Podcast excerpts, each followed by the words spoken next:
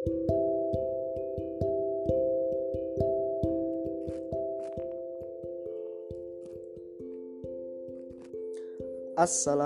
warahmatullahi wabarakatuh. Selamat tahun baru 2021 untuk teman-temanku di mana pun kalian semua berada.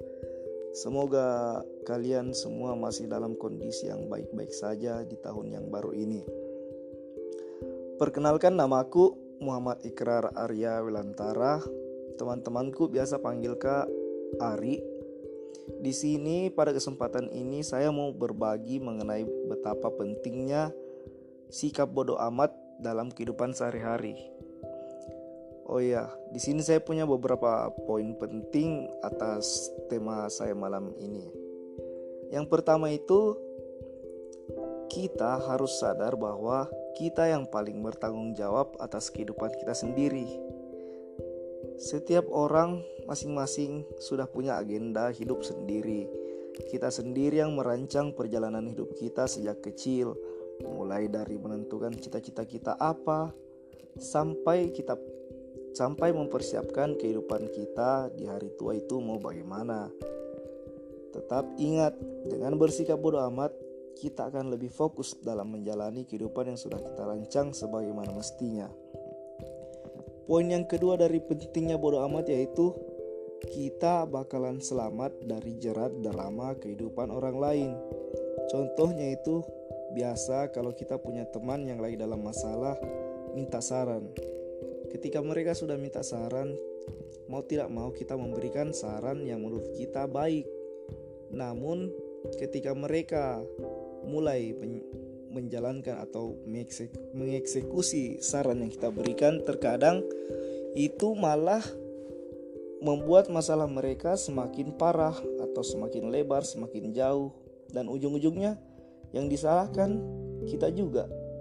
Padahal kita sebagai teman ya maunya masalah dia cepat selesai. Tapi pada akhirnya kita malah menjadi bagian dari masalah mereka.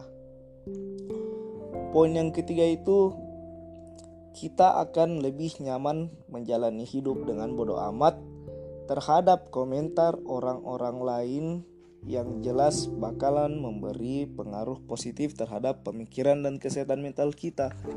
Contohnya itu kalau kita melakukan sesuatu, misalkan hal-hal yang baik lah. Namun di balik itu tetap saja ada yang berkomentar buruk ke kita. Kita harus biarkan saja kalau kita ambil pusing akan komentar-komentar tersebut kita bakalan stres sendiri. Semakin kita stres semakin mereka mungkin lebih senang karena kita akan mengalami hal-hal yang sulit. Poin yang keempat itu bodoh amat mencegah kita untuk membuang-buang energi yang tidak perlu Terkadang berusaha untuk mengikuti standar orang lain itu sangat melelahkan bukan? Karena kita bakalan capek. Secara tidak sadar kita melakukan hal yang tidak kita sukai. Sampai-sampai bisa bikin tubuh kita lemah dan sakit-sakitan. Karena bagaimanapun diri tak bisa jauh lebih bahagia kalau kita mengikuti bahagia yang standar kita kita sendiri yang atur, kita sendiri yang tetapkan. Seperti contohnya, misalkan kita lebih sering nongkrong kayak di pinggir jalan, mungkin beli minuman-minuman yang ya sederhana. Terus teman-teman kita bilang, "Ah, kau itu tidak gaul kok atau bagaimana?"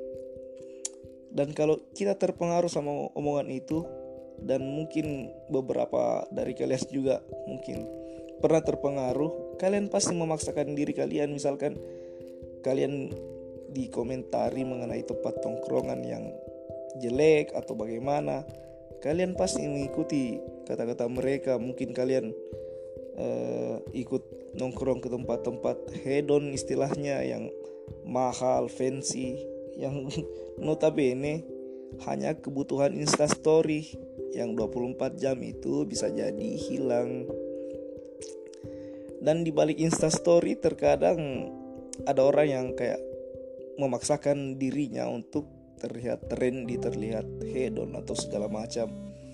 Jadi saran saya bodoh amat sama orang-orang yang mengomentari gaya hidup kita. Poin kelima yang mungkin sangat jelas yaitu bodoh amat bakalan menjauhkan diri kita dari stres dan beban pikiran. Ini sudah sangat jelas teman-teman. Ketika kita bodoh amat, otak kita itu bakalan menyeleksi mana yang baik dan buruk. Dan ketika kita sudah tahu, yakinlah bakalan lebih mudah lagi dan santai dalam menjalani hidup tanpa harus merasa tertekan baik secara lahir maupun batin. Intinya banyak keuntungan bila kita bersikap bodoh amat. Tapi jangan sampai juga berlebihan sehingga kita jadi antisosial, sehingga teman-teman menjauh atau bagaimana. Gunakan prinsip ini apabila memang orang-orang yang ada di sekitar tak bikin risih dan bikin kita terganggu saya sampaikan ini materiku bukan berarti saya mau lihat teman-teman jadi kayak bodoh amat sama hal-hal apa pun itu. Bu, contohnya mungkin tiba-tiba ada kecelakaan atau ada orang kesusahan depan dan tidak mau ditolong bukan seperti itu. Maksud saya ya kita harus memfilter lah istilahnya yang mana yang harus kita peduli, yang mana harus kita bodoh amat.